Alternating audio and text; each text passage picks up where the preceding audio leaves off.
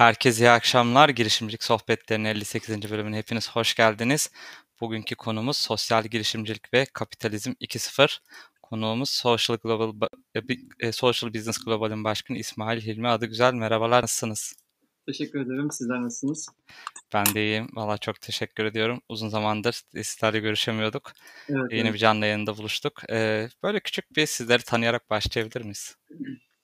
Tabii ki. Ee, ağırlıklı olarak sosyal sorun, sosyal sorumluluk projeleri ve sosyal girişimcilik üzerine çalışmalar yapıyoruz. Ee, hem e, uluslararası sosyal girişimcilik çalıştayını her yıl Türkiye'de topluyoruz. Bu yıl dördüncüyü düzenleyeceğiz. Ee, hem de aynı zamanda da üniversitelerde, belediyelerde, ticaret odalarında e, konferanslar vererek bu sosyal girişimcilik nedir, neden yapı önemlidir, nasıl yapılır, nereden başlanır, e, sosyal sorumluluk projesiyle sosyal girişimciliğin arasındaki farklar nelerdir bunları anlatmaya çalışıyoruz. Konuyla alakalı yazmış olduğum bir kitabım var. Şu an ikincisinin üzerinde çalışıyorum. E, yani ana odamız sosyal fayda diyebilirim. Evet. O sosyal fayda şemsiyesinin etrafında dönüp dolaşıyoruz. Ne yapılması gerekiyorsa, üzerimize görev atlettiğimiz her ne varsa onu ifa etmeye çalışıyoruz. Kitabınızda zaten bugün konu başlığımız aslında bir taraftan da. Ee, peki birçok tanımı var. Yani kitabi tanımlar da var. Herkes kendi e, yine göre söylediği bazı e, tanımlar da olabiliyor. Sizce girişimcilik nedir ve neden sosyal girişimcilik? Ha, girişimcilik nedir? Sosyal Evet, girişimcilik. evet. Bir, önce bir girişimcinin tanımını sizden alalım. Yani çünkü gerçekten çok Bence, tem- temel tanımları var biliyorsunuz. evet, bence girişimcilik bir kere bir yaşam stilidir. Yani e, bir meslek, bir e, statü, bir makam, bir e, title bir şey değildir. Bir yaşam biçimidir mes- e, girişimcilik. E, aynı zamanda bir hobidir. Yani eğer hobiniz girişimci olmak değilse girişimci olamazsınız. Benim tanımıma göre bu yönde. E, hobiniz girişimcilik olmak olmalıdır ki e, mesela aynı şeyi işte resim için profesyonel düşünerek ressam olamazsınız. Hobiniz resim yapmaksa o zaman çok profesyonel bir ressam olabilirsiniz. Aynı şekilde hobiniz girişimci olmaksa çok profesyonel bir girişimci olabilirsiniz. Ee, bence öyle oradan geçiyor. Hobi edinmekten geçiyor aslında. Bunu zorlayan arkadaşları görüyor muyuz piyasada? Evet görüyoruz.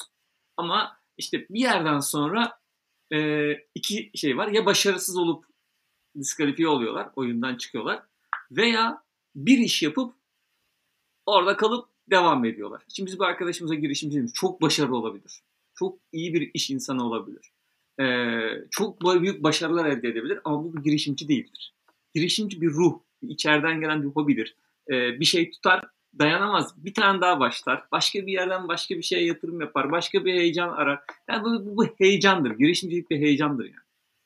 Aslında belki de erken aşama girişimcilere bunları öğretmek gerekiyor. Bunları söylemek gerekiyor. Yani birçok etkinlikte sizler de biliyorsunuz işte kanvaslar veriliyor, yalın iş modelleri öğretiliyor. Onlar sunum yapmak öğretiyor, yatırımlar falan. Bir anda herkes böyle ben nereye düştüm oluyor. Ee, gerçekten biraz da tabii burada şey tarafları da var. Yani son zamanlarda da hani sizler de görüyorsunuz. Basına çıkan haberler sa- salt genelde yatırım haberleri oluyor. Ve bu tarz erken aşama girişimler de bunlardan çok etkili. Hatta geçen bununla ilgili LinkedIn'de bir yazı paylaşılmıştı. Ben de altına bir yorum yapmıştım. Bu konuda siz ne düşünüyorsunuz? Hani e, bir yanlış yönlendirme oluyor mu sizce? Kesinlikle çok büyük yanlış yönlendirme var. Sadece Türkiye'de değil ama bu. Dünyada Hı hı. ülkede bu şekilde e, addediliyor. E, bir kere işte şu kadar yatırım aldı. İşte e, zengin olmak için girişimci. Evet. Patron olmak için girişimci olmak. Şey, bir arkadaşımız var. E, ismim lazım değil. Zaten hani Hı. bilenler biliyordur, bilmeyenler de Bilenler biliyordur, evet. bir şey değil. Diyor ki bir gün sabah kalktım niye başkasının işinde çalışayım ki ben kendi işimi yapacağım diye. Evet evet. Arkadaşım böyle bir şey değil dostum bu. Bu böyle bir şey değil. Anlatabiliyor muyum? Sosyal medya hesapları da var ya öyle biliyorsunuzdur. Sürekli işte sabah 5'te kalkmalısın, şunları yapmalısın falan böyle sürekli. Onlara kısmen inanıyorum. Evet. Bu motivasyon Ama konuşmaları. hani böyle bir anahtar gibi hani e, veriliyor ya o anlamda söylemiştim. Ha, evet evet girişimcilik böyle bir şey değil. Yani girişimci değil yani e, sab- yani bir sabah kalkıp işte ben patron olmak istiyorum. Patron olmak için girişimci olamazsın. Çünkü o zaman işinin kölesi olamazsın. Evet. Yani e, şu an bizi dinleyen bazı arkadaşlarımıza soralım, sor- sorsak desek ki ya bizim böyle e, girişimciyiz deyince o her şeyin çok normal oluyor. Konuşuyoruz arkadaşlar. Yani Aynen. ama bunu heyecanla yapıyorum. Bakın ben yılla 15 yıldır e, iş dünyasının içerisindeyim. O kıyısından, köşesinden, ortasından, göbeğinden bir şekilde. Evet evet. Ne kadar çalışma heyecanıyla hala bu heyecanı yaşıyorum. Ne zaman ki bu heyecan bende bitti ondan sonra derim ki artık ben girişimci değilim arkadaş. Bitti o iş. Hı hı. Derim. Ee, hani zengin olmak için girişimci olmak, patron olmak için girişimci olmak, kısa yoldan köşeyi dönmek için girişimci olmak, ee, işte girişimci desinler diye girişimci olmak. Hayır bunlar doğru bir şey değil. Mesela bakıyorum bazı arkadaşlarımıza artık tutturmuş bir iş dünyasının içerisinde belli bir yerde çok başarılı ama işte biyografisinde şey var girişimci. Niye? Ne yapıyorsun? Hani girişim var mı bir girişimi? Hayır henüz yok. O zaman henüz de girişimci değilsin. Ya şey de var. Bu da bunun da bir diğer bir boyutu. İşte Evet. bir e, fikir ortaya atılıyor, bir Instagram hesabı açılıyor, bir web sitesi yapılıyor. Benim girişimim var, founder. Yani bu da bir e, dö- götürüyor. Hani anlatabildim mi? Bunları, bunları Yani- yadırgamıyorum. Ömer, e, şey. Özgür özür dilerim. Ee, bunları kesinlikle ama kesinlikle destekliyorum. Bir lise öğrencisi arkadaşımızın, bir üniversite öğrencisi bir arkadaşımızın bir web sayfası, bir Instagram hesabı açarak kendi title'ına founder yazması, kurucu yazması, kurucu Buna, buna ben de katılıyorum bu arada. Evet, bunda bir bunlar sorun yok. çok zor hareketler. Bunlarla dalga geçen, bunlarla alay eden insanlara dönüp şunu soruyorum. Arkadaş, en azından bu adam bir hayalin peşinden koşturuyor. Hı hı. Sen gidip de bu adamın ayağına çelme takamazsın. Yo, yo, ona, ona katılıyorum. Aynı mantıkla futbolcu olmak için amatör kümede oynayan bir adama gidip çocuğa gidip şey diyor musun? Ha ha sen birincilikte mi oynayacaksın? Ha ha falan mı diyorsun? Hayır. Onun da lisansı var. O da profesyonel futbolcu.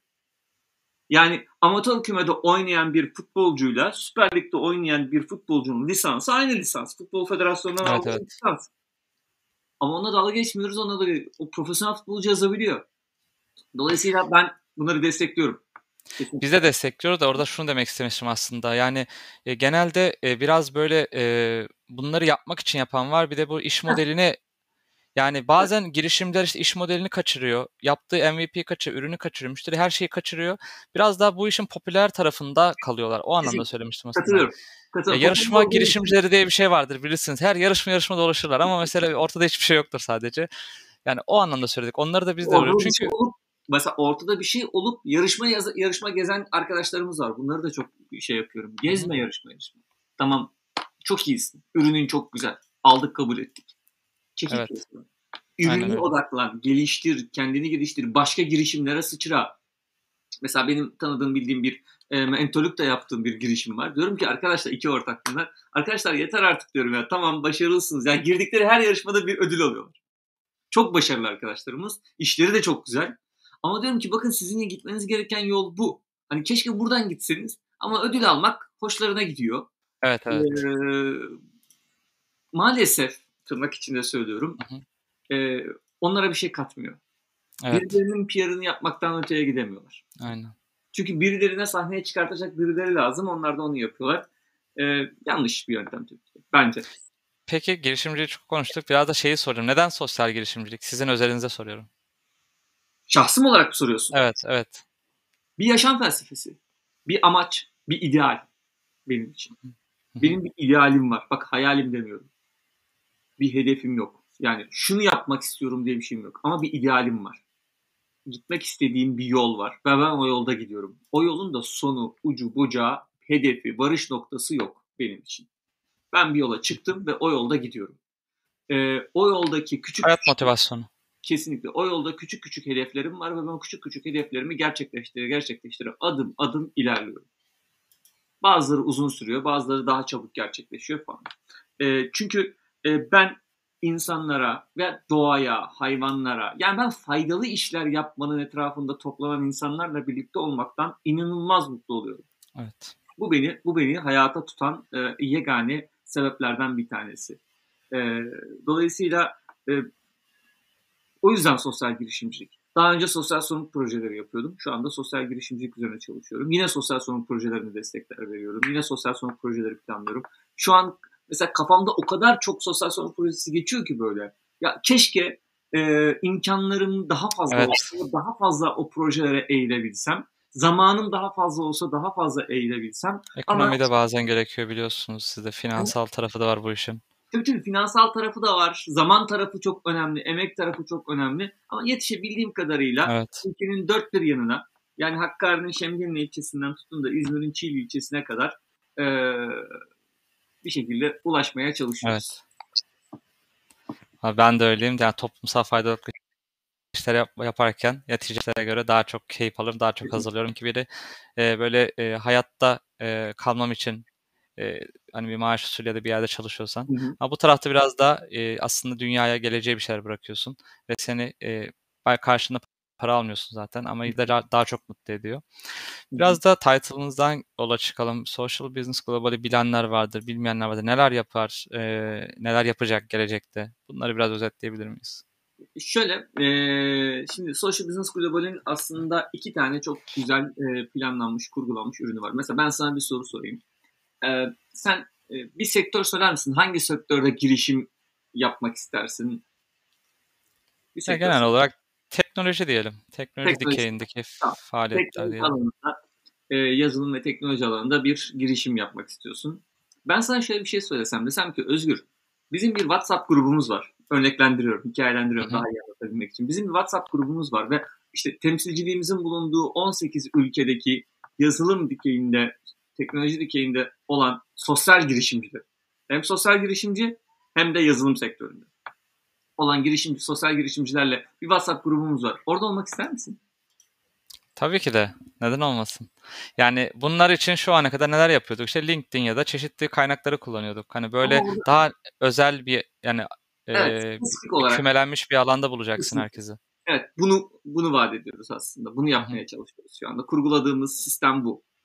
Bu bir. İkincisi yine ben sana desem ki bana bir e, sosyal duyarlılık e, tarafındaki eksik olduğunu hissettiğin e, bir sorundan pay, sorunu paylaşıyoruz. Senin yumuşak kaynağı nedir? Çocuklar mı, hayvanlar mı, doğa mı, e, eşitsizlik mi, eğitim mi, sağlık mı? Ya hepsi, hepsi yani söylediklerinizin hepsi var yani ama e, çocuklar diyelim ya. Çocuklar tamam. Çocuklara özel yani orada bizim şeyimiz biraz daha e, çocuklar değil de e, fırsat eşitliği odağında topluyoruz şu anda. E, çocuklara özel e, diyelim bir e, çalışmalar yapan farklı sektörlerdeki farklı hmm. sektörlerde sağlık, eğitim, işte bilişim, yazılım, e, bla bla bla bla bla sektörlerdeki e, sosyal girişimcileri, çocuk dikeyindeki olanları bir WhatsApp grubunda topluyoruz. Sen de orada olmak ister misin? Tabii ki de. Bizim yapmak istediğimiz şey tam olarak işte bu bir WhatsApp grubu değil tabii ki. Bu web sayfamızda oluşmuş bir kümelenmeden bahsediyoruz. Böyle bir ağ, böyle bir network kurmayı planlıyoruz. Bu bize ne sağlayacak? Bu sosyal girişimcilere ne sağlayacak? Bir, uluslararası bir arenada hızlı bir şekilde network edinme imkanı sağlayacak. Hı hı. Partnerlikler sağlayacak. Know-how paylaşımı sağlayacak. Dolayısıyla iş birlikleri anlaşmaları sağlayacak. Bu ve buna benzer sonuçlarla biz aslında bu kümelenmeyi sağlayıp hem fiziksel etkinlikler hem online etkinliklerle bu arkadaşlarımızı bir araya getirmeyi planlıyoruz. Bıraksınlar ondan sonra kendi, ondan sonraki tamamen onlara ait. Biz bir araya getirelim, bu network'ü paylaşalım. Sonrasında tüm e, ilerleme onlara ait olacak. Peki Böyle bu var. geniş network ağına dahil olmak için neler yapmak gerekiyor? Bir kısıtlama var mı? Yaş, okul, üniversite gibi? Hayır hiçbir kısıtlamamız yok. Sadece sosyal girişimci olmanız kafi. E, Social Business Global'in internet sitesindeki formu doldurup e, yeterliliğinizi oradan kanıtladığınızda sosyal girişimcilik yeterli yani. Sosyal fayda odaklı çalışmalar yaptığınız yeterliliğinizi kanıtladığınızda e, o grupların içerisinde dahil olabiliyorsunuz. E, ikinci olarak şöyle bir ürünümüz var. Yani hiz, bir ürün hizmetimiz var. E, uluslararası sosyal girişimcilik çalıştaylarında biz farklı ülkelerdeki sosyal girişimcilik örneklerini inceliyoruz. Hı hı. Bunların içerisinde işte şu ana kadar 52 farklı ülkeden 480 tane örnek incelemişiz. Ve bu örnekleri e, o üyelerimize, o WhatsApp grubundaki sosyal girişimci üyelerimize açacağız. Dolayısıyla sen Hmm. önce derece olarak yazılım sektöründe dünyada neler yapılıyor acaba? Çocuklara özel yazılımlar neler var diye taradığında İspanya'daki sosyal girişimcilere ulaşabilir misin? Ya dediğim gibi böyle bir ağ mümkün değil. Yani LinkedIn gibi bir ağda yani çok çok inceleyerek yani tek tek bulman gerekiyor. Yani çok zor. Şimdi ulaşamazsın neden? Çünkü internet sitelerinin büyük bir çoğunluğu İspanyolca. Aynen Türkiye'dekilerin Türkçe olduğu gibi. Yani Evet, bir evet, İspanyol Doğru. dese ki acaba Türkiye'de yazılım sektöründe çocuklara özel yazılımlar yapan kaç tane sosyal girişimci var, neler var? Bir bakayım bir işbirliği yapalım dese ulaşabilir mi sence? Hayır. Hayır çok zor. Birkaç tanesine ulaşabilir. O da İngilizce web sayfası olan. Evet. Onun dışındakilere ulaşamaz. Niye? Hepimizin internet sitesi Türkçe. Biz Evet. İspanya'ya ulaşamayız. İtalya'ya ulaşamayız. Ee, peki Hindistan?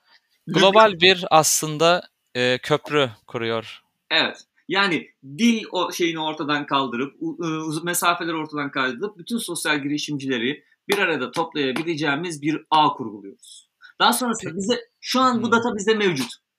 Yani şu an sen Social Business Global'in internet sitesine üye olduğunda girip ya İspanya'daki çocuklar için çalışan sosyal girişimcileri düz dedi, süz dediğinde süzebiliyorsun.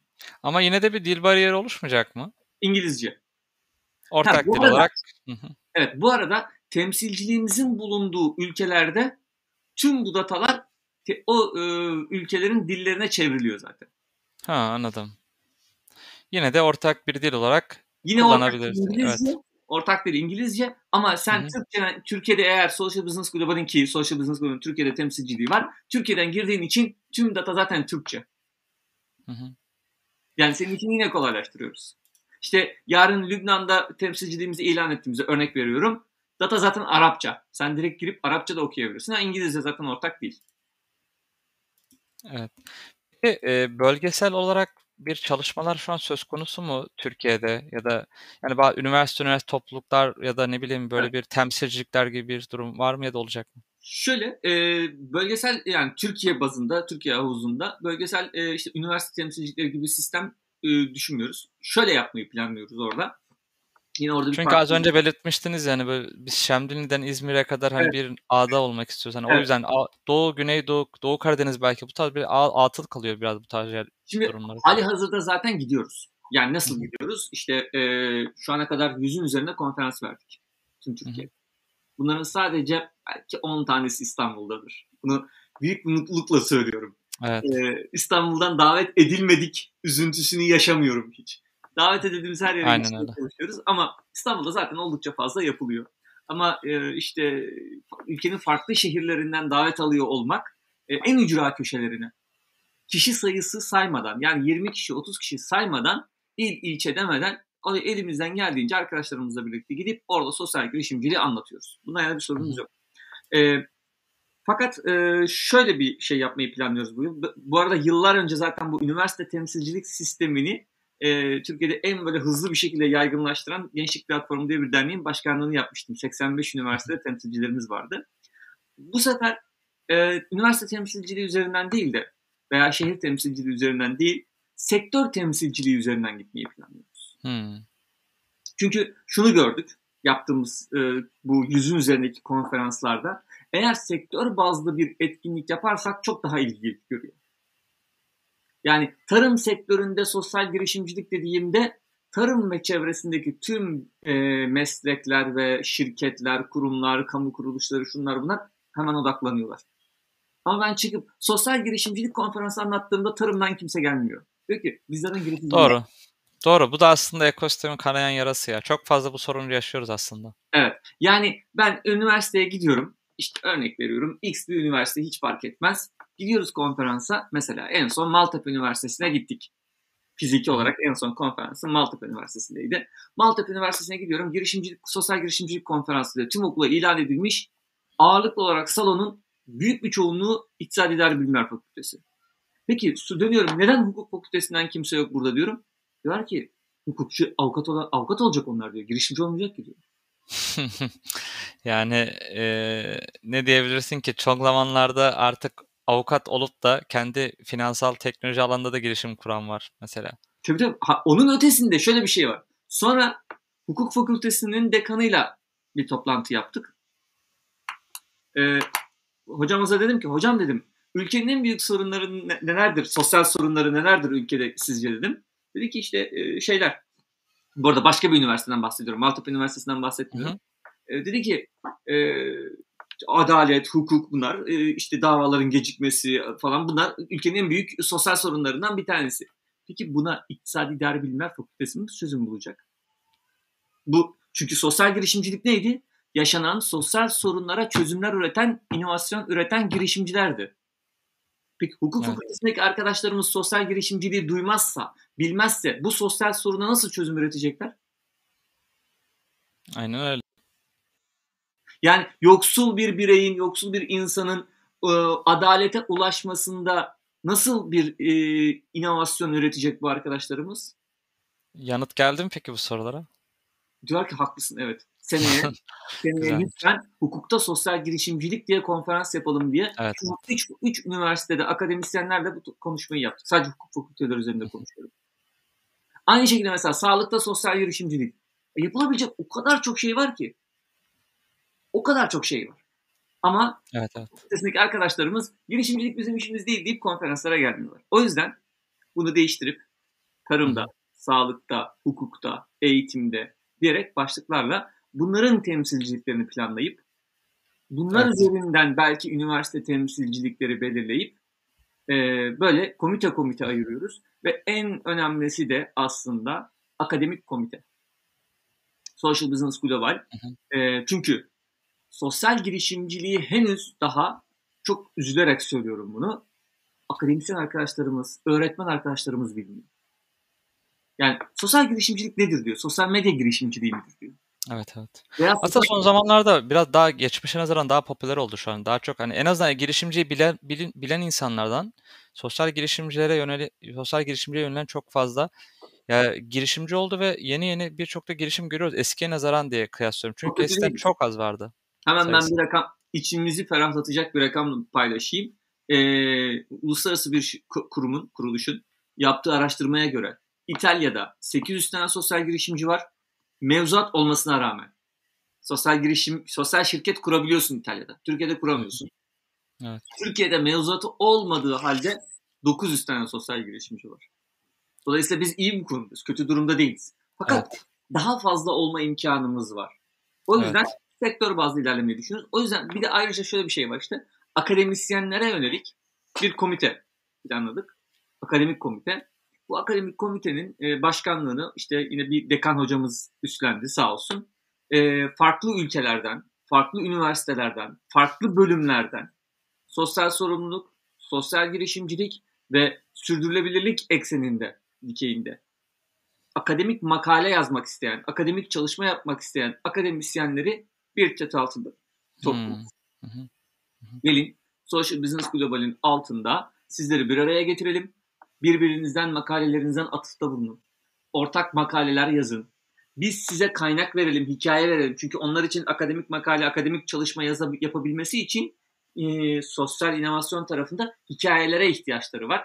Biz onlara dünyanın dört bir yanından hikayeler ulaştıralım. Çünkü hı hı. şöyle bir şey var. Yapılan akademik çalışmalarda hep aynı örnekler. Hı hı. Yani bugün örneğin işte Google'a yazın veya Google'un o akademik search kısmı var ya. Oraya evet, girin. Evet. E, deyin ki e, finansal sosyal girişimcilik değil. Çıkacak 20 tane makalenin abartmıyorum en az 10 tanesinde 15 tanesinde Muhammed Yunus'tan bahseder. Peki başka Hı-hı. yok mu? Var aslında. Ama hocalarımız hep aynı örnekler ekseninde dönüyor. Çünkü evet, yeni evet. örneklere ulaşamadıkları için biz o aracı olma, aracılığı yapmak istiyoruz. Yani aslında hep konuştuğumuz şey vardı ya. Üniversite sanayi işbirliği. Evet. Sağlanmalı. Biz de girişimciyle yani sosyal girişimciyle üniversite işbirliğinin artması için e, bu akademik komiteye çok e, önem veriyoruz. E, bu şekilde şu an ya gerçekten sizin de söylediğiniz gibi son zamanlarda ülkemizde sayılar çok arttı. Ben de hani çeşitli etkinlikler işte mentor ya da jüri olduğum etkinliklerde yani bazen 10 ekip yarışı 3'ü 5'i sosyal girişimci oluyor. Ben artık hani Olmalı. geçmişe nazaran şaşırıyorum. Çünkü geçmişte bir, bir, giriş, yani bir girişim çıktığı zaman seviniyorduk.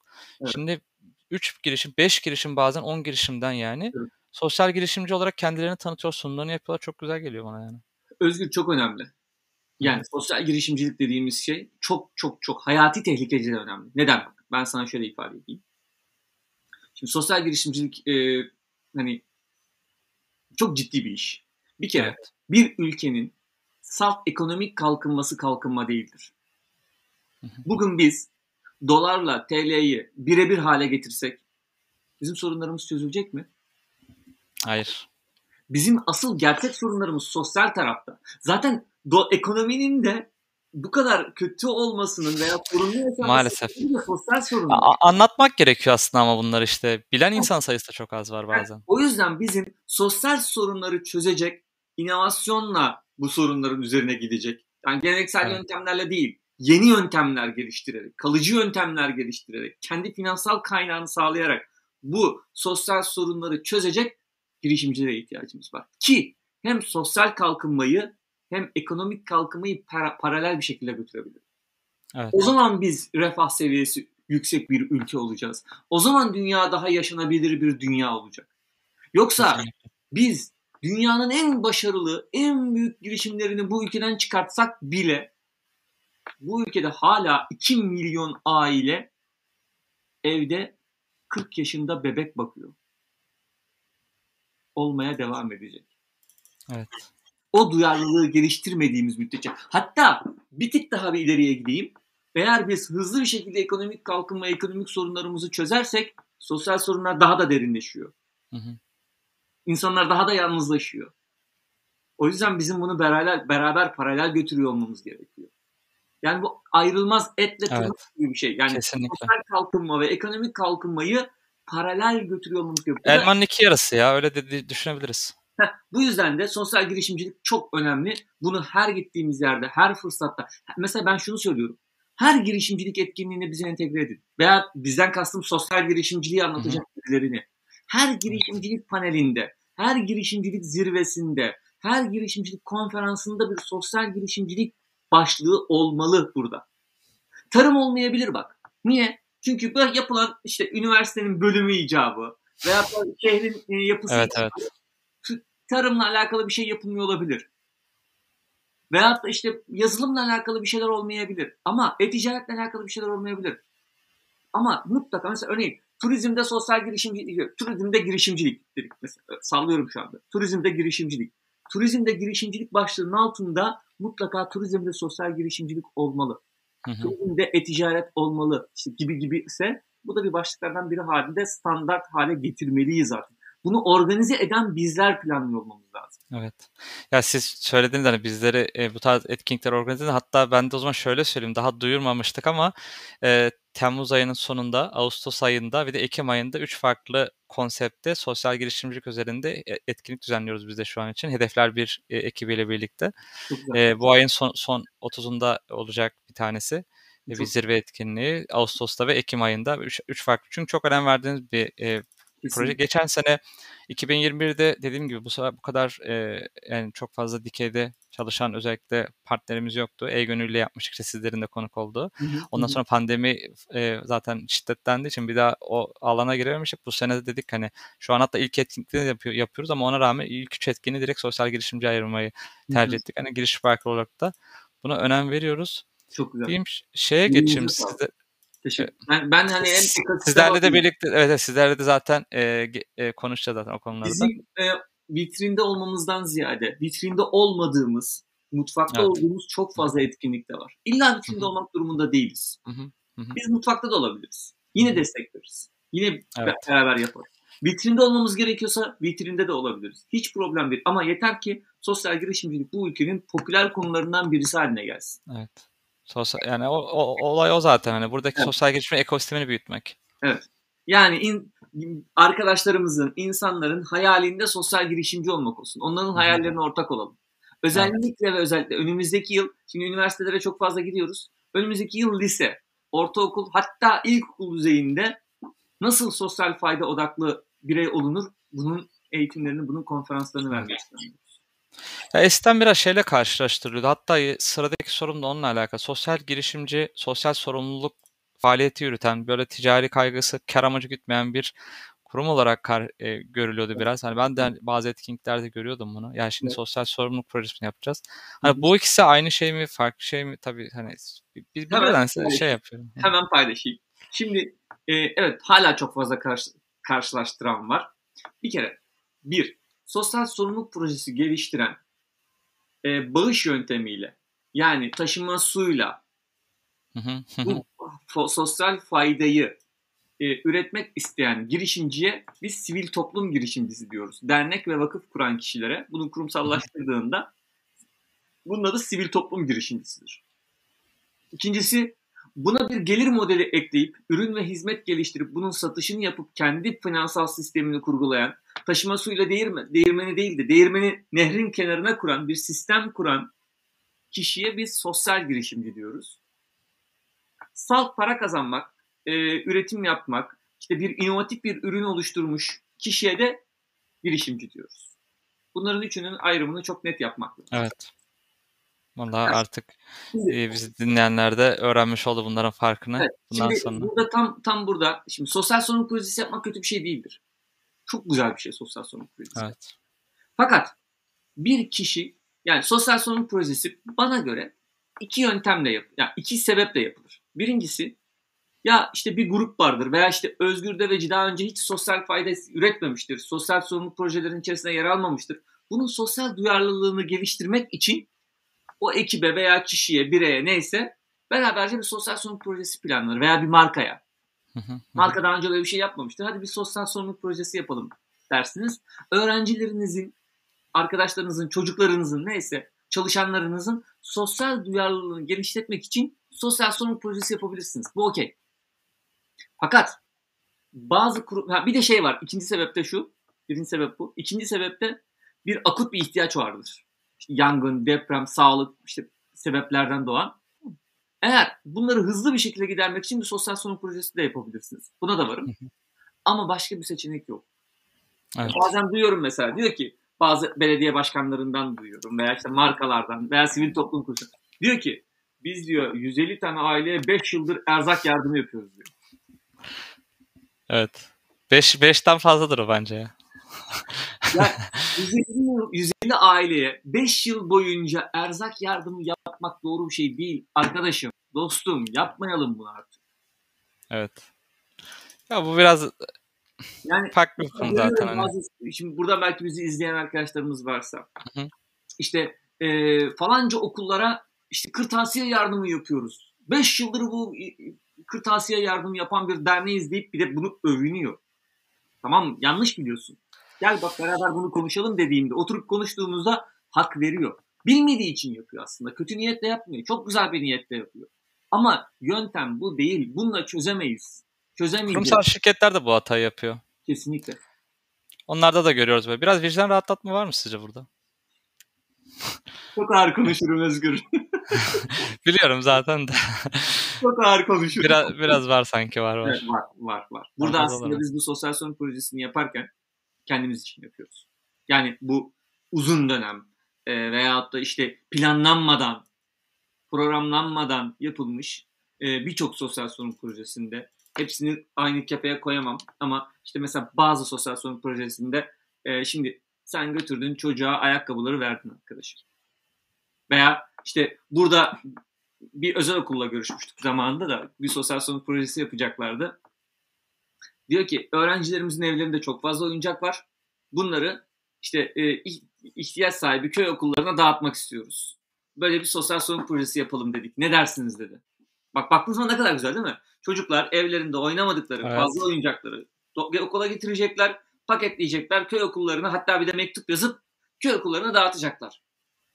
Şimdi o çocuk o paketi aldı. İçini açtığı zaman ne düşünecek? Vay be. İstanbul'da çocuklar ne oyuncaklarla oynuyor. Evet. Aslında bu açıdan bakmak lazım. Doğru diyorsunuz. Bu çok tehlikeli. İki, o oyuncak bir gün kırılacak. Dönecek babasına diyecek ki baba aynısından istiyorum diyecek. Anne aynısından istiyorum ben bunu diyecek. O babanın, o annenin düşüncesini düşünebiliyor musun? Bin liralık oyuncağı nereden görecek? Nasıl alacak? Beş bin liralık oyuncağı. Bu Aynen öyle. doğru bir şey değil. Veya sen o çocuklara direkt olarak o oyuncağı verdiğinde şimdi senin çocuğuna, evladına sen fakirsin. Ben oyuncak veriyorum, ben kırtasiye veriyorum, ben bot veriyorum dediğinde nasıl ne düşünüyorsun? Yani annenin babanın düşüncesini düşünebiliyor musun burada? Yetersizliğini, yetersiz olduğunu düşünmesini veya o çocukların sürekli olarak birileri bir şey geliyor bize bir şeyler dağıtıyor. Birileri geliyor bize bir şeyler Ha, dağıtıyor çok bedava. ya bunlar biraz işte ince düşünceler ama işte bunları Bu, zaten düşünme yani vicdan kısmına geliyor biraz daha.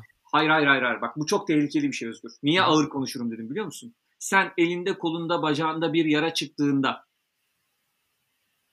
nereye gidiyorsun? Gelip bana Evet. soruyor musun? İsmail ya benim kolumda bacağı çıktı veya ilk bulduğun merhemi sürüyor musun? Ha? Hayır. Alt komşunun alt komşunun sana getirdiği e, kremi hemen sürüyor musun? Hapı hemen içiyor musun?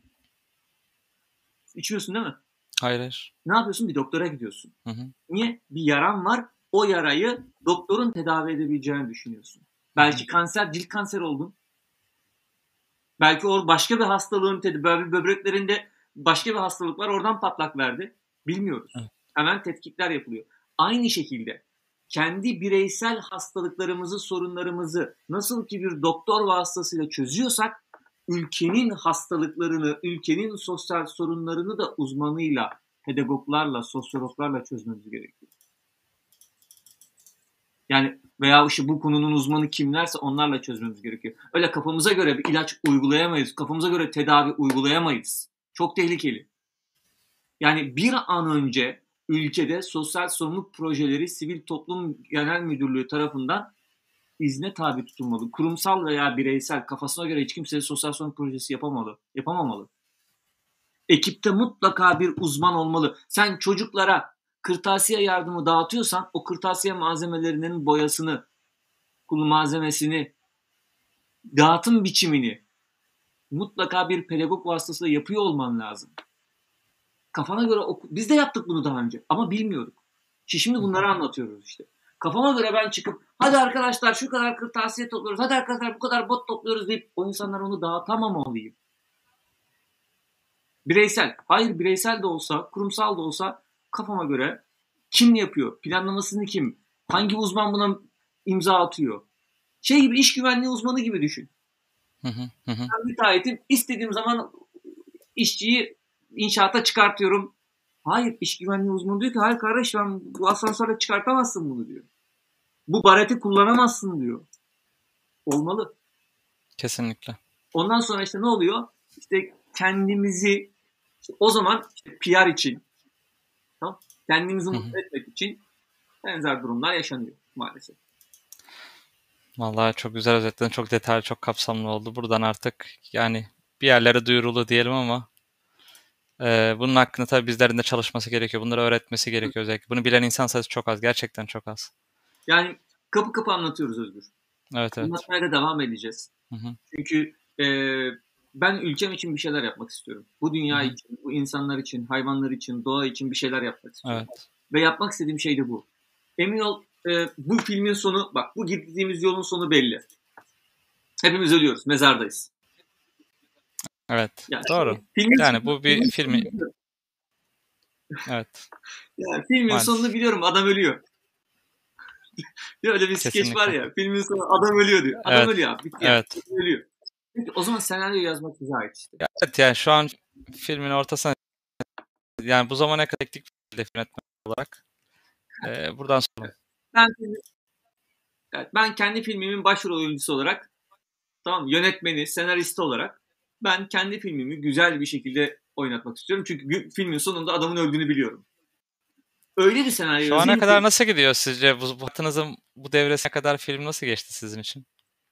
Kaç verirsiniz IMDb'den Film- puan verseniz? Kendi filminiz. filmi, çek, filmi çekilse çok izlenir. Çok izlenir diyorsunuz ha? Yani Peki konferanslarda çünkü konferanslarda kendi hayat hikayemi anlatıyorum aslında bir, Evet. bir nebze. Oradan sosyal girişimciliği anlatıyorum. O 2 saat, 3 saat hatta 3 saat e, sigara molası vermeden konferans yaptığımız var. Vallahi Ee, harika. Dolayısıyla aynısının filmi çekilse 2 saat izlenir diye düşünüyorum yani. Ya tabii biz de şu an 40 dakikadır konuşuyorduk ama zaman nasıl geçti ben de anlamadım. O yüzden o, o arkadaşlar da büyük ihtimal e, çok keyifle dinlemişlerdir sizi. Özgür- Sosyal Özgür, girişimci Rekorum, rekorum 4 saat. 4 saat. Kapatamadık yayını. Daha Online'da. uzun, f- az- çok az film biliyorum. Ondan daha uzun. evet. Buyurun. Bu arada şeyi sorayım. Kimler sizce sosyal girişimci olabilir? Herkes, Herkes olabilir. olabilir. Herkes olabilir diyoruz. Herkes olabilir. Sosyal duyarlılığı olan, derdi olan herkes olabilir. Bir derdi varsa ya ben işte hayvanlara çok üzülüyorum. Veyahut da işte, ben, işte bu arada sokak hayvanlarından bahsetmiyorum sadece. Bak hayvanlar diyorum. Tabii canım. Tabii tabii. Ya onu, onu da onu da karıştırmak lazım. Doğru Tabii. diyorsunuz. Veya sadece insanlar, sadece doğa, başka şeyler, hani fırsat eşitliği, bir şeye dertleniyorsan sosyal girişimci olabilirsin. Ama önce dertlenmen gerekiyor. o Peki derdini siz- bulman gerekiyor. Sizin sosyal girişimcilikte böyle varmak istediğiniz nihai bir nokta var mı? Hayır. Bir hayalim yok ama ideallerim var. Dedim ya ben yoldayım. Ben yoldayım Evet. ve ha, sorarsan şu anda kısa vadeli hedeflerim var mı? Var. Onları söyleyebilirim. Ama nihai günün sonundaki hedefim hiç yok. Hiç öyle bir hedef olma, hedefim olmadı. hı. Çünkü o zaman boşluğa As- düşerim. Evet doğru diyorsun. Hep takip edecek bir şey olması gerekiyor değil mi? Evet. Mesela şu an üzerine çalıştığım hedeflerim bir. E, Eylül ayında inşallah gerçekleşecek. Hakkari'de Çok Sosyal güzel. Girişimcilik Merkezi kuracağız. Şu an onu çalışıyoruz. İki. Harika. Girişimcilik Kütüphanesi diye bir projemiz var. 15 farklı şehirde 21 tane kütüphane kuracağız. Bunun için çalışıyoruz. Hayallerimden bir tanesi. Girişimcilik merkezlerinin, kuluçka merkezlerinin tam donanımlı girişimcilik kütüphanesine ihtiyaçları var. Maalesef birçoğunda kütüphane yok. Başka şeyler de yok da o konuya girersek yine çıkamayız. Kitap olmalı ama. Hı hı. Tabii ki kesinlikle canım. Kesinlikle ona katılıyorum. Önemli bir eksiklik. Ee, olanlarda da şey var. Victor Hugo var. Ömer Seyfettin var. işte Ya girişimlerde genel olarak zaten bazısında biliyorsun kitap okuma diye bir şey yok yani. Kitap O okumak yok, iş olmadan- çalışmak var. önce bu olsun. Sonra Evet. onlara bir de okumaya alışacaksın. Yani süs olsa bile yok. Dekor Evet, olsa evet. bile yok. Doğru. Yani bu maalesef büyük markaların kurduğu kuluçka merkezlerinde bile yok. Belediyelerin kurduğu kuluçka merkezlerinde bile yok. Üniversitelerin kurduğu kuluçka merkezlerinde yok dostum. Teknoparklarda yok zaten. Yani teknoparklarda hiçbir şey yok. Yani toplasan yarısında kütüphane ya var ya yok Türkiye'deki kuluçka merkezlerinde. O yüzden bunu yapmak Evet. istiyorum. Ee, onun dışında e, sosyal girişimcilikte hukuk çalıştığı yapıp dünyadaki 16 ülkeden avukatları getirip Türkiye'de e, bir e, hukuk mevzuat taslağı hazırlayıp bunu da işte Cumhurbaşkanına, bakanlara, siyasi partilere, milletvekillerine, ticaret odası başkanlarına, hukuk fakültelerinin dekanlarına elden ulaştırıp bir şekilde bununla alakalı bir kamuoyu oluşmasını sağlamayı hedefliyorum. Şu an kısa vadeli bir yıllık plan, e, hayal bir yıllık e, plan içerisinde hayallerim bunlar. Allah biz de sizleri takip ediyor olacağız. Ee, peki bu uluslararası sosyal girişimcilik çalıştayı hakkında biraz bilgi verebilir misiniz? Tabii ki her yıl e, orta işte 19, 20, 21 ülke katılıyor. Ortalama 20 ülke katılıyor. Her hı. yıl 20 farklı ülkeden katılımcıların geldiği bir çalıştay. E, sosyal girişimcilik dikeyinde o ülkelerde yapılan çalışmaları inceliyoruz, araştırıyoruz. E, ve bunlar işte bir dataya dönüşüyor. Hı hı. ve bu datayı da e, ağımızdaki sosyal girişimcilerle paylaşıp onların o datadan yararlanmasını işte Bangladeş'teki, e, Hong Kong'daki, Lübnan'daki, işte Kenya'daki, e, Malezya'daki, İspanya'daki, Kanada'daki sosyal girişimcilerle bir araya gelmelerini Tam onu soracaktım. Hani ülkemize kattığı somut yararlar var mı diye Evet. cevaplamış oldunuz. Evet. harika. Evet, bu şekilde e, hani hem sadece ülkemizde değil diğer dünya ülkelerinde yaşayan insanlara da bu kaynağı aktarıyoruz. Bu datayı paylaşıyoruz. Dolayısıyla bizim her yaptığımız çalışma çünkü aynı gemideyiz Özgür. Yani dünyada hepimiz beraber yaşıyoruz. Bugün e, işte Güney Amerika'daki Amazon ormanları hepsi kül olsa gitse biz de nefes alamayız. Yani Peki bu 18 pardon. De gördük. Yani Çin'de ne oluyorsa yap ne yiyorlarsa yesinler deme şansımız yok. Hepimiz aynı gemideyiz. Aynen öyle. Peki az önce 18-19 ülke dediniz. Burada başı çeken ülke kim oluyor ve bizden farklı neyi doğru yapıyorlar? Ha şey sosyal girişimcilikte en fazla Evet, hangi evet. Aha. Ee, onu öyle adlandırmak çok zor. Ama mesela bazı ülkeler bunun mevzuatını çıkarttığı için Hı hı. çok daha rahat orada çalışmalar yapmak. Ama e, tahminimce Türkiye ilk beştedir diye tahmin ediyorum. Endonezya bu, Bayağı iyi. Endonezya bu konuda çok iyi. İngiltere bu konuda çok iyi. Almanya bu konuda çok iyi. Ee, Amerika bu konuda çok iyi. Ondan sonra Endonezya Güney Asya ülkesi olmasına rağmen şaşırttı. Evet evet. Endonezya bu konuda e, güzel bir ülke. E, ama işte dediğim gibi İngiltere, Almanya Yani mevzuat olmamasına rağmen ilk 5'teyiz dediniz. Bence şu an iyi bir rakam o zaman Çok iyi. söylediğinize. Tabii tabii çok iyi konumdayız. Ama işte e, mevzuat çıkarsa e, daha toparlanmış olacak. Yani şu an mesela kendine sosyal girişimci demeyen sosyal girişimciler de var. Hı hı. Yani aslında sosyal girişimci ama sosyal girişimci Hmm. olduğu farkında Hmm. olmayan arkadaşlarımız var. Hı. Veya Anladım. sosyal girişimci olup kendisini sosyal girişimci olarak ifade edemeyen arkadaşlarımız var. Ya evet, onun imajı kötü bir imaj mı Türkiye'de yoksa Hayır. insanlar bunu hani Bilmiyorum diyor ki ben diyor kendime sosyal girişimci dersem sosyal sorumluluk projesi yapıyorum gibi algılanır diyen var.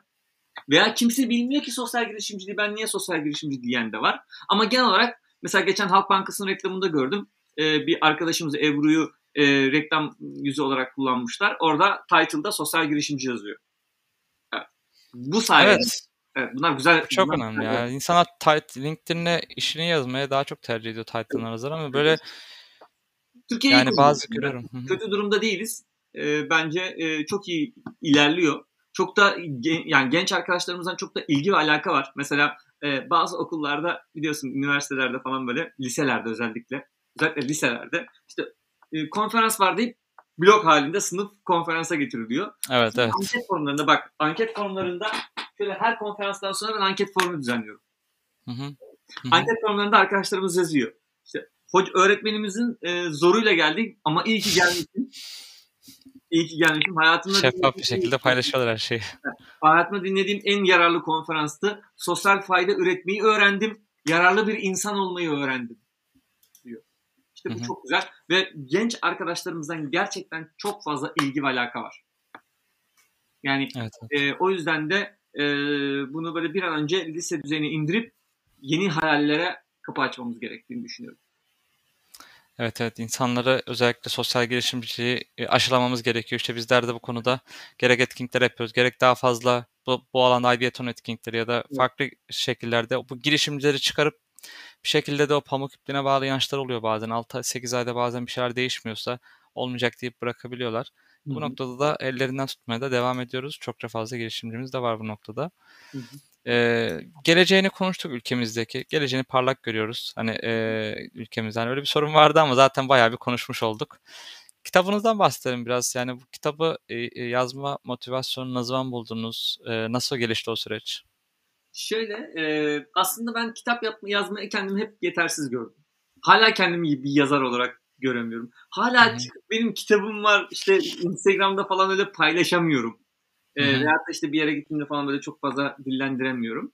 E, fakat e, o da şuradan çıktı. İşte üniversitelerde böyle konferanslar falan başlayınca bazı arkadaşlarım ya İsmail tamam hani gidemediğin yerlere de ulaşmalısın. Bak madem bunu bir dert edindin. E, çünkü çok fazla talep geliyor. Özellikle sosyal medya aracılığıyla. İşte Samsun'a gelsene, Gümüşhane'ye gelsene, Yozgat'a gelsene falan gibi. Ama tabii ki orada bir organizasyon yapılmadan benim oraya gitmem bir anlamı yok. Evet, Ee, aynen öyle. Çok zor. Davet olması lazım. Evet evet yani gerçekten bir etkinliği planlamak, kurgulamak, e, tüm masaj ayaklarını e, eşit hale getirebilmek gerçekten çok zor. E, o yüzden de e, benim ulaşamadığım, gidemediğimiz yerlere gitmenin bir yöntemi olarak aslında arkadaşlarımızla birlikte kurguladık. E, nasıl yaptık? E, ben yine kendimi yetersiz görüyordum ama bir arkadaşımızın bana çok güzel bir önerisiyle e, ben kitabı yazdım, götürdüm e, bir e, şeye, editöre verdim. Editör de düzenledi ve kitap haline dönüştü. Normal şartlarda ben kitap yazmadım. Ben hı. sosyal girişimciliği biliyorum. Sosyal girişimciliği yazdım. O da kitap yazmayı biliyor. Düzenledi, kitap haline dönüştürdü ve kitap o şekilde raflarda yerini buldu. Şöyle oldu aslında biraz da. Kitap üçleme serisi. Yani genelde hep üçlemeyi romanlar, Deva. Hikayelerde görürsün. İş kitaplarında çok fazla Evet evet. e, yoktur üçleme. Ama burada yine bir farklı bir şey yapacağız. Üçleme olarak devam edecek. İlkinde şöyle göstereyim hatta kitabın kapağından göstereyim. Ee, şurada sosyal girişim yazıyor. Burada sosyal girişimi anlatıyoruz şu anda. Hı hı. Daha sonrasında sosyal girişimci tirelik olacak. Hmm, güzel. İkinci kitapta full örnek. Bu kitapta hiç örnek yok. Full örnek olacak. Sosyal girişimcileri anlatıyor olacağız. Üçüncü kitapta da sosyal girişimcilik olacak. Bir enagram testi gibi bir test olacak. Sen birinci kitapta sosyal girişimciliği öğreneceksin. İkinci kitapta farklı sektörlerden, farklı ülkelerden, farklı e, disiplinlerden e, girişimcilerin hikayelerini araştıracaksın, okuyacaksın. Üçüncü kitapta da kendini test edeceksin ve ondan sonra sosyal girişimci olmak için bir rehber haline dönüşecek. Peki bir tarih verebiliyor muyuz ikinci kitap için en azından? yani en azından buradan bizi izleyenler takip ediyorlar. Ee, Yani en azından düşündüğünüz bir zaman aralığı belki direkt net bir aslında tarih. Ocak'ta belki. çıkmış olması gerekiyordu düşündüm. Aa, anladım evet. Ama buradan da beni bir e, şeye disipline soksun. Özgür eğer Evet, evet. Eylül'e kadar çıkmazsa sana bir yemek Tamam. var. Tamamdır. Valla güzelmiş. Tamam mı? evet evet tamamdır. Artık. YouTube'da da kayıt altında. Tamam, okey anlaştık. Güzel. Vallahi güzel oldu bu. Ee, peki sosyal sorumluluk alanında en çok etkilendiğiniz birisi ya da bir hikaye var mı? Yaşadığınız bir olay. Unutamadığınız, sizde yer edinen. Yani e, Ya yani karşı bir etkinlikte olur, bir yerde olur, karşılaştığınız bir olay şu olur, bir hikaye. etkiliyor. Şu beni çok etkiliyor. Böyle çok inovatif, çok güzel bir fikirle ama çok basit. Ya o kadar basit ki böyle. Ya herkesin uygulayabileceği çok inovatif bir fikirle insanlara ulaşan kişilere hayran kalıyorum. Ve onların Evet. o motivasyonunu gördükçe kendimi Photoshop'la onların fotoğrafına koyuyorum. Veya videosunun içine koyuyorum. Hayal ediyorsun. Böyle gözümden yaşlar akıyor.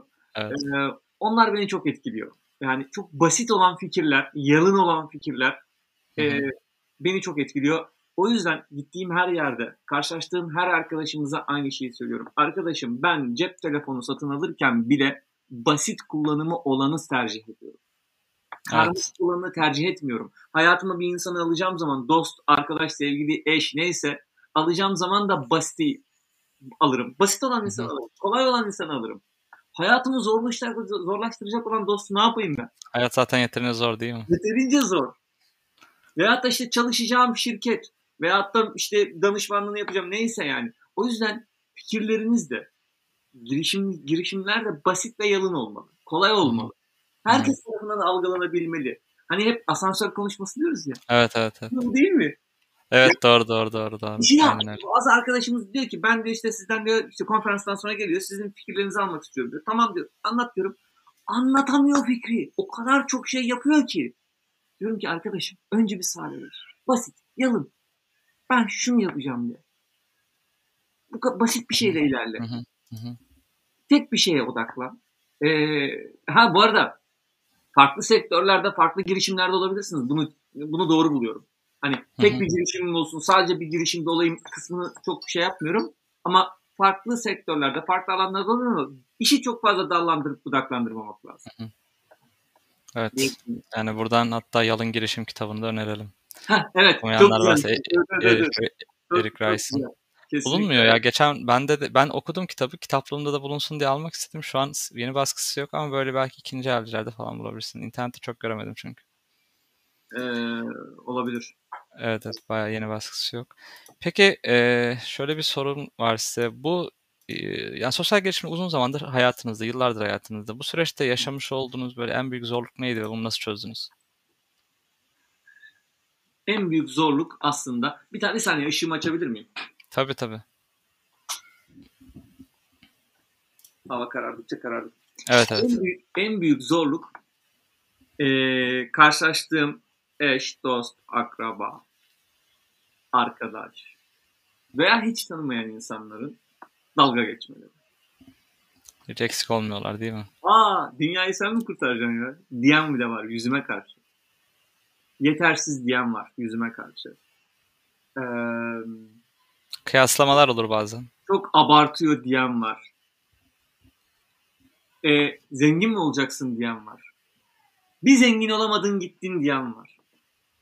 Onu söyle, Evet çok uğraşıyorsun ama yani bu kadar şey şuraya ayırsan bu vaktini neler olacak kim bilir. onu söyleyenlere hep şunu söylüyorum. Ben hiçbir zaman zengin olmayacağım. Çok lüks bir hayat yaşıyor olabilirim. Ama hiçbir zaman zengin bir adam olmayacağım. Çünkü ben kazandığımı zaten buraya harcıyorum. Evet. Ve bundan büyük keyif alıyorum. İşte anlamadığımız, anlaşamadığımız Evet. noktalar bunlar. Aynen öyle. Bu işleri niye yapıyorsun? Mesela ücretsiz konferanslara ya artık senin ücretsiz konferanslara gitmemen gerekiyor diyor. Arkadaşım pardon ama benim Evet. bir içim yanıyor ya anlatmak istiyorum. Oradaki adam da bunu dinlemek istiyor. Hadi gitme. Hadi gitme. Öğrenci seni arıyor da akademisyen seni arıyor. Hocam diyor buraya gelmenizi istiyoruz diyor. Ama diyor yok diyor bütçe uğraştık ettik. Görüyorsun dinliyorsun. Yok diyor. E ne yapacaksın? Hatay'ın Yayla Dağı'na diyor ki akademisyen hocamız buraya kimse gelmiyor diyor. Hadi gitme. Sen de başkaları gibi. Ben o zaman vicdan azabı duyuyorum biliyor musun? Ben vicdan azabı duyuyorum. Çok. Verirseniz ben gelirim yoksa gelmem falan dediğim zaman ben vicdan azabı duyuyorum. Çünkü ben bir şey biliyorum. O insanların hayatını değiştireceğine inandığım. Ben bir şey biliyorum. Ülkenin kaderini değiştireceğine inandığım. Ve sırf 3 kuruş para için oraya gitmeyeceğim. Pardon. Ben bunu yapamam. Aynen. O yüzden e, keşke bunu ekosistemden bazı isimleri de anlatabilsek yani. Çünkü öyle de bir tarafı var ya bunu biliyorsunuz. Yani işte ya belli başlı yerlere gidenler var. Ya para olmadan gitmeyenler var. Neyse hani bu konuda dediğim gibi hani uzar gider ama bu da bir sorun gerçekten. Maalesef yani Türkiye girişimcilik ekosistemi hani girişimcilik tarafında biraz böyle değinmek gerekirse hani girişimcilik ekosistemini geliştirelim, geliştiriyoruz diye e, girişimci yani üniversiteli öğrencilere gerekirse destek vermemek yani bu şey gibi oluyor yani ben girişimcilik ekosistemi destek geliştirmiyorum kendimi geliştiriyorum işte parasal anlamda ya da başka anlamlarda. Bu da maalesef uzun Şöyle zamandır yaşadığım bir sorun. Şöyle söyleyeyim. E, kişisel markamı yani İsmail Hilmi adı güzel e, olarak kendimi aslında e, düşürmemem hani başkalarının kıyasla o söylediğim evet. isimlerden kıyasla Hı-hı. söylüyorum Hı-hı. tamam mı? Artık senin bunlara gitmemen lazım. Artık senin daha böyle şeyli işlere gitmen lazım falan gibi. Hayır. Benim derdim artık daha şeyli şeylere gitmek değil. İstanbul'da Levent Sarıyer Maslak üçgeninde e, otellerde yapılan kongrelerde, konferanslarda olmak çok güzel ama asıl güzel olan şey Hakkari'de, Şemdinli'de olmak, Hatay'da, evet. Yayla Dağı'nda olmak, İzmir, Çiğli'de olmak, Manisa, Akhisar'da olmak. Ya bunun zaten düşür, düşmek olduğunu zaten konuşuyorsak sıkıntı. Tam oraya gelecektim şimdi işte. O arkadaşlarımız keşke şunu anlasalar. Ya ülke sadece Maslak'tan ibaret değil. Ülke Levent'ten ibaret değil. Yani Aynen. ülke 85 milyonun yaşadığı kocaman bir coğrafya. Dolayısıyla e, hani o bazı arkadaşlarımız sadece İstanbul'da olmak, sadece belli bir sayının üzerinde konuşmacı olmak, sadece belli kurumların davet ettiği konuşmacı olmak, sadece belli düşünceden insanlarla sahneye çıkmayı tercih edenler ben öyle bir şey yapmayacağım. Evet, evet. Eğer bir gün öyle bir şey yaparsam gerçekten benim yüzüme her türlü her türlü şey söyleyebilirsiniz. Çünkü hı hı. sosyal girişimcilik bu değil. Evet, evet. Ben sosyal sorun fırsat eşitliği için çalışan birisiyim. Çıkıp da şunu diyemem. Benimle birlikte konuşmacılarla aynı görüşte değilim. Kusura bakmayın yer almayacağım. Hı hı hı. Veya sizin derneğinizin e, siyasal duruşu beni temsil etmiyor. Kusura bakmayın. Niye? O tarafta var. Hayır yani beni ilgilendirmiyor. Senin siyasal görüşün, senin dünya görüşün, senin cinsiyetin de ilgilendirmiyor. Bak mesela ben kadın girişimcilik konferanslarına da çıkmıyorum. Çok net söylüyorum bunu her yerde. Kadın girişimciliği diye bir program yapılsa ben orada yokum. Destek verir miyim? Veririm. Ama ben konuşmacı olarak orada yer almak istemiyorum. Çünkü ben cinsiyet ayrımına da karşıyım. Benim için girişimcilik diye bir şey vardır ve herkes orada özgür ve hürdür. Aynı şekilde işte Türkiye sadece işte Suriyeliler için girişimcilik veyahut da sadece işte örnek veriyorum işte ya bu konuda aslında. kadınlarla bazen konuşuyorum İlmi Bey. Ee, şey diyorlar genelde işte pozitif ayrımcılığın da ee, şu an elimizde tuttuğumuz tek şey olduğunu inanıyorlar. Anlatayım? Bundan daha önemli bizim için hiçbir şey. Bunu en fazla erkek olarak empati yapabilirsiniz. Tamam. Hemen söyleyeyim size. Pozitif ayrımcılık kime yapılır? Dezavantajlı olan bir gruba Tabii yapılır. evet azınlık gruba yapılır. Dezavantaj, azınlığa değil, dezavantajlı olana yapılır. Yani eksiği, kusuru ol, olmayan, yani olan tamam mı? Yoksunluğu olan kişiye yapılır. Ben kadınları eksiği olan bir kesim olarak görmüyorum ki. Niye onlara evet. pozitif ayrımcılık yapayım?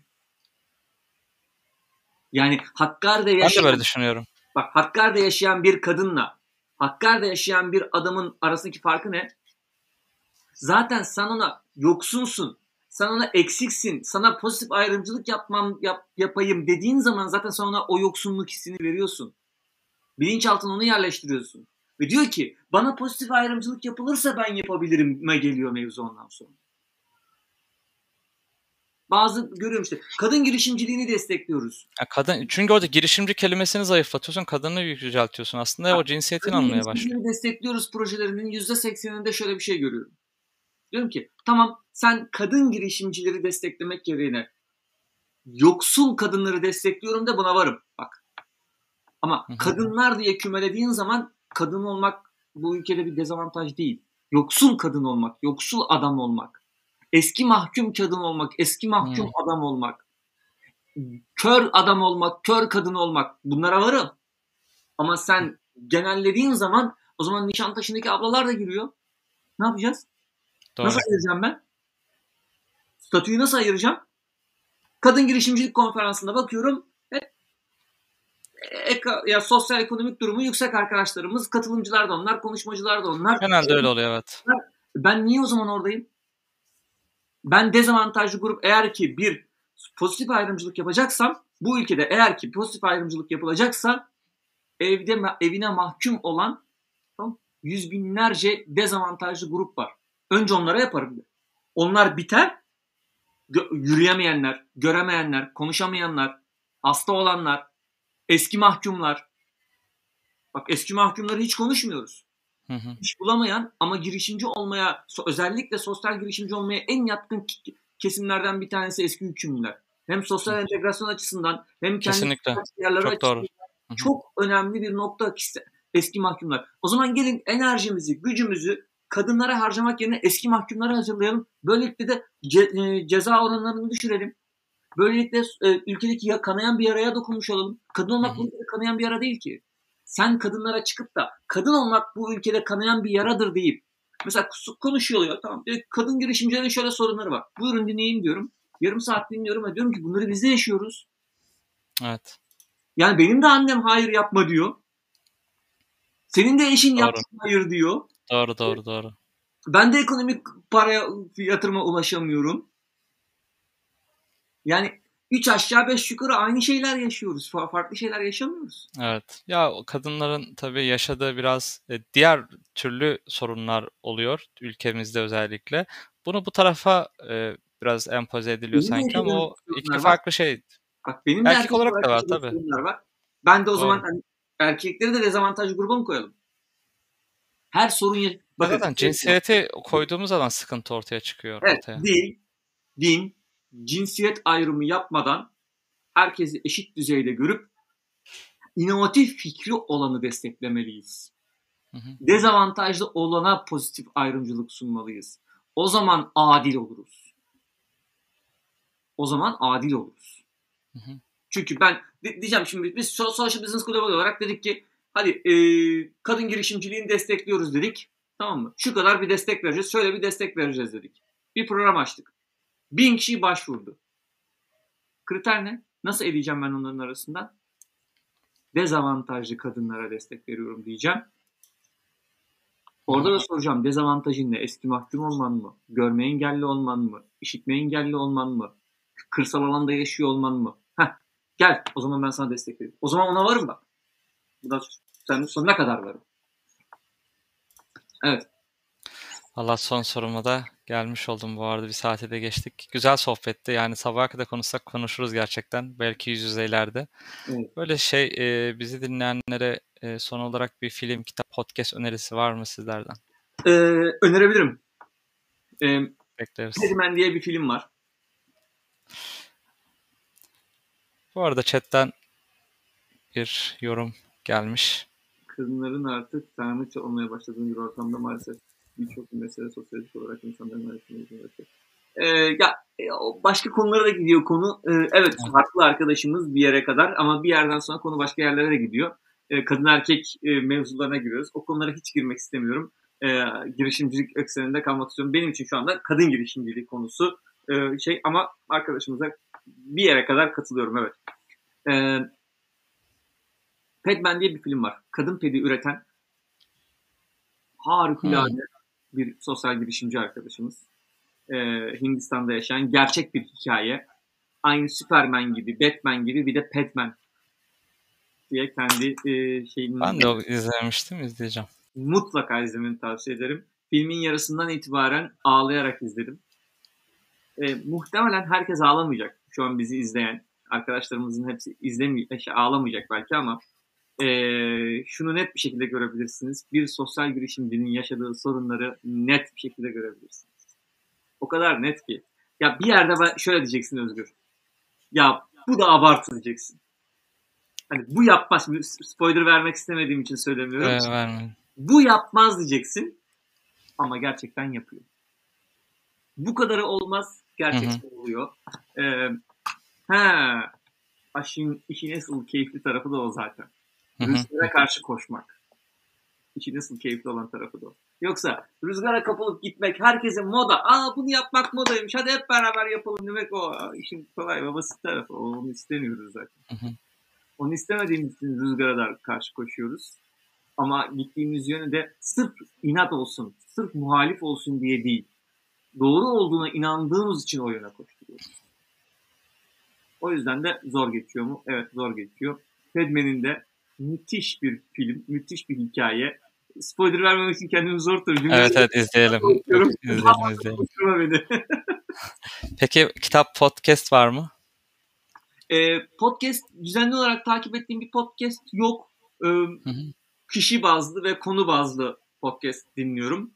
Ee, o yüzden e, bir podcast e, takip önermeyebilirim şu an. Öneremeyebilirim. Hı hı. Kitap olarak da e, Ortak Gel Beraber Batalım diye bir kitap var. Kim yazdığını şu an hatırlayamadım. Hı hı. E, güzel bir kitap.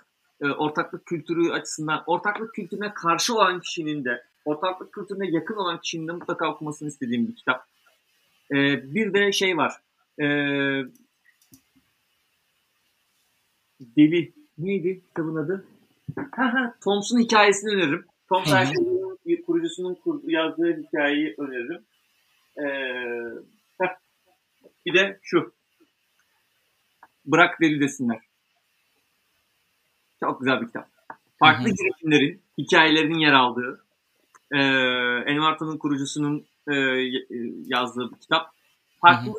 sektörlerden, farklı girişimlerin böyle hap hap küçük küçük hikayelerini anlatıyor. E, ama ortak bir özellikleri var. Hepsi deli. Çünkü şöyle ben de okuyacağım. Bizde de güzel bir deyim var ya. Deli olmadan şey deli olmadan veli olunmazmış diye. Evet evet. Biraz deli olmak gerekiyor. Biraz Doğru. olmak gerekiyor. Bu çok... ya ben girişimcilere zaten uyumsuzlar diyorum genelde. Normal hayata uyum sağlayamayan evet. insanlar. Evet, evet evet evet. Hastalıklı kişiler. İşte evet, dedik evet. ya zaten hayali olmalı, derdi olmalı, hastalığı derdi olmalı, olmalı. ki onun üzerine koşabilsin. Yoksa Kesinlikle. hasta olmazsan ya hast, derdi olmayan bir adam gecenin üçünde kalkıp niye bilgisayar başına otursun? Doğru. Yapsın ki böyle bir ya şey. da dışarı çıktığında e, kafası hala bilgisayarda olması. Dışarıda evet, bile mutlu olamıyor. Arkadaşlarıyla konuşurken niye konuyu çevirip çevirip evet. buraya götürmesin yani? Kesinlikle. Telefonun not defterine girip niye not almasın yani? Bunu derdi olan evet, insan evet. yapar. Ne der? Derdim var bacağım ağrıyor der mesela. Sürekli ovuşturur o dizini. Benim bir dizisi hikayesi vardı bir ara. Başka bir yayında unutturma dizisi hikayesini anlatayım. Yayın uzun oldu şimdi. Tamamdır. Evet evet. Bir arası diye bir hikayem var benim. Ee, onu anlatayım. Valla biz yine başka bir konsepte başka bir yerde yine konuk alıyoruz. Zaten yakında etkinliklerimiz de var. Sizleri yine orada da göreceğiz. Evet, evet. Her zaman. Bugünkü... Bu arada, e, bu arada şunu söyleyeyim. Sen kapanış konuşmanı yapmadan evet. Ee, girişimcilik ekosisteminin içerisinde inatla e, ve biraz da e, böyle nasıl söyleyeyim e, kendi ekseninde bir şeyler yapmaya çalışan irili ufaklı çokça arkadaşımız var. Bunların bazıları yarı yolda bırakıyor, bazıları devam ediyor. Hiç önemli değil. Yani yarı yolda bırakanlara da başarısız demiyorum. Sonuna kadar gidip koşturan arkadaşlarımıza da başarısız demiyorum. Çünkü amaç birilerine ulaşmak, amaç kendimizi geliştirmek. Bu anlamda girişim farkını e, özellikle genç arkadaşlardan çok duyuyorum. E, bu beni çok hoşuma gidiyor. Bu benim çok hoşuma gidiyor e, lise düzeyinde ve üniversitenin bir iki sınıf, birinci ve ikinci sınıflarında girişim farkını genç arkadaşlardan çokça duyuyorum. Ve hani böyle etkinliklerde falan geliyorlar işte girişimcilik farkında beraber bir şey yapmıştık. Girişimcilik farkındaki işte evet, evet. şey benim yanıma çok mutlu etti onlar bizi. Gerçekten çok bunu çok duyuyorum. Çokça geliyor Hı-hı. karşıma. Ee, ama hani seninle Özgür Deveci olarak ilk kez böyle baş başa bir sohbetimiz. Evet evet. Yüzlere hiç gelmedik diye hatırlıyorum. Hiç gelmedik hiç. Fırsat olmadı ama Tamam. belki bir ye- yemek Ee, sözüm yani var. Alırım oradan bir şey olacak. Evet evet.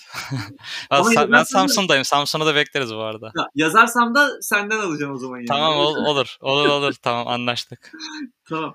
Dolayısıyla hani bak mesela Samsun'dan böyle bir şey yapıyor olman gerçekten çok güzel. Ee, genç arkadaşları bu anlamda heyecanlandırıyor olman çok güzel. Bir de en güzel yaptığın şeylerden bir tanesi ben yüzüne karşı söyleyeyim. Ee, ekip yönetiyor, ekip kurguluyor olman çok güzel. Bunu ben beceremiyorum. Yani İsmail Bilmadı güzel olarak burada benim bazı eksiklerim var. Umarım bunları giderebilirim. Ee, o yüzden ee,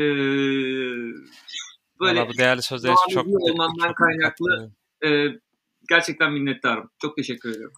Yani iki, iki, iki buçuk senedir özellikle bu platformu büyütmeye uğraşıyoruz. Bizde hatta ekip kurma dediğiniz execution diye geçiyor e, diğer bir ismi. Bununla ilgili hatta online bir turne yaptık. Biz bütün topluluklara böyle tek tek proje ortamla birlikte Türkiye Startup ekosistemi ve execution kavramlarını açıklamaya çalıştık. İşte ekip nasıl kurulur, nasıl yönetilir. İşte ilk fırsatta direkt hani bir ekip dağılıyor, birçok şey oluyor biliyorsunuz hani. Bu tarz şeyler olmasın diye. E, çalışmalara devam ediyoruz. E, bizi de takip etmeye devam etsinler. E, sizleri de zaten yine çok Benim çok üzerime göreceğiz. düşen ne varsa her Hı hı. zaman e, ben yapmaya hazırım. Çünkü gerçekten e, kendi ayakları üzerinde durup bir şeyler yapmaya çalışan arkadaşlarsınız. E, benim için hani diğer arkadaşlarımız da çok güzel. X bir kurumun Hı hı. desteğini almış olmak, X bir görüşün desteğini almış olmak Tabii da çok tabii. güzel. Ama e, hiçbir destek almadan kendi ayakları üzerinde bir şeyler yapmak isteyenlere ekstra bir e, şey. Aynen öyle. Doğrudur. İşte zaten sıkıntı orada başlıyor. Evet, Yani o yüzden- genelde bizler gerçekten böyle kendi yağında kavram bir şeyleri büyüten e, bir konumdayız. E, kurucu ortağın adını gerçekten- da- efendim? kurucu ortağın adını da geçirelim kayıtlara. Kurucu ortağım e, Enes Yiğit. Enes'i. Tamam. Evet. Enes'e de çok selamlarımı ilet lütfen. Ee, Tamam. Tekrar e, başka bir yayında, başka bir programda görüşmek üzere. Görüşmek üzere diyelim. Arkadaşlar bugün sosyal girişimcilik ekosisteminden çokça bildiğiniz İsmail Hilmi adı güzel konuğumuzdu. E, çok değerli bilgiler aldık kendisinden. Girişimcilik sohbetlerinin bugünkü bölümü burada bitiyor. 59. bölümde tekrardan görüşmek üzere. Herkese iyi akşamlar diliyorum. İyi akşamlar.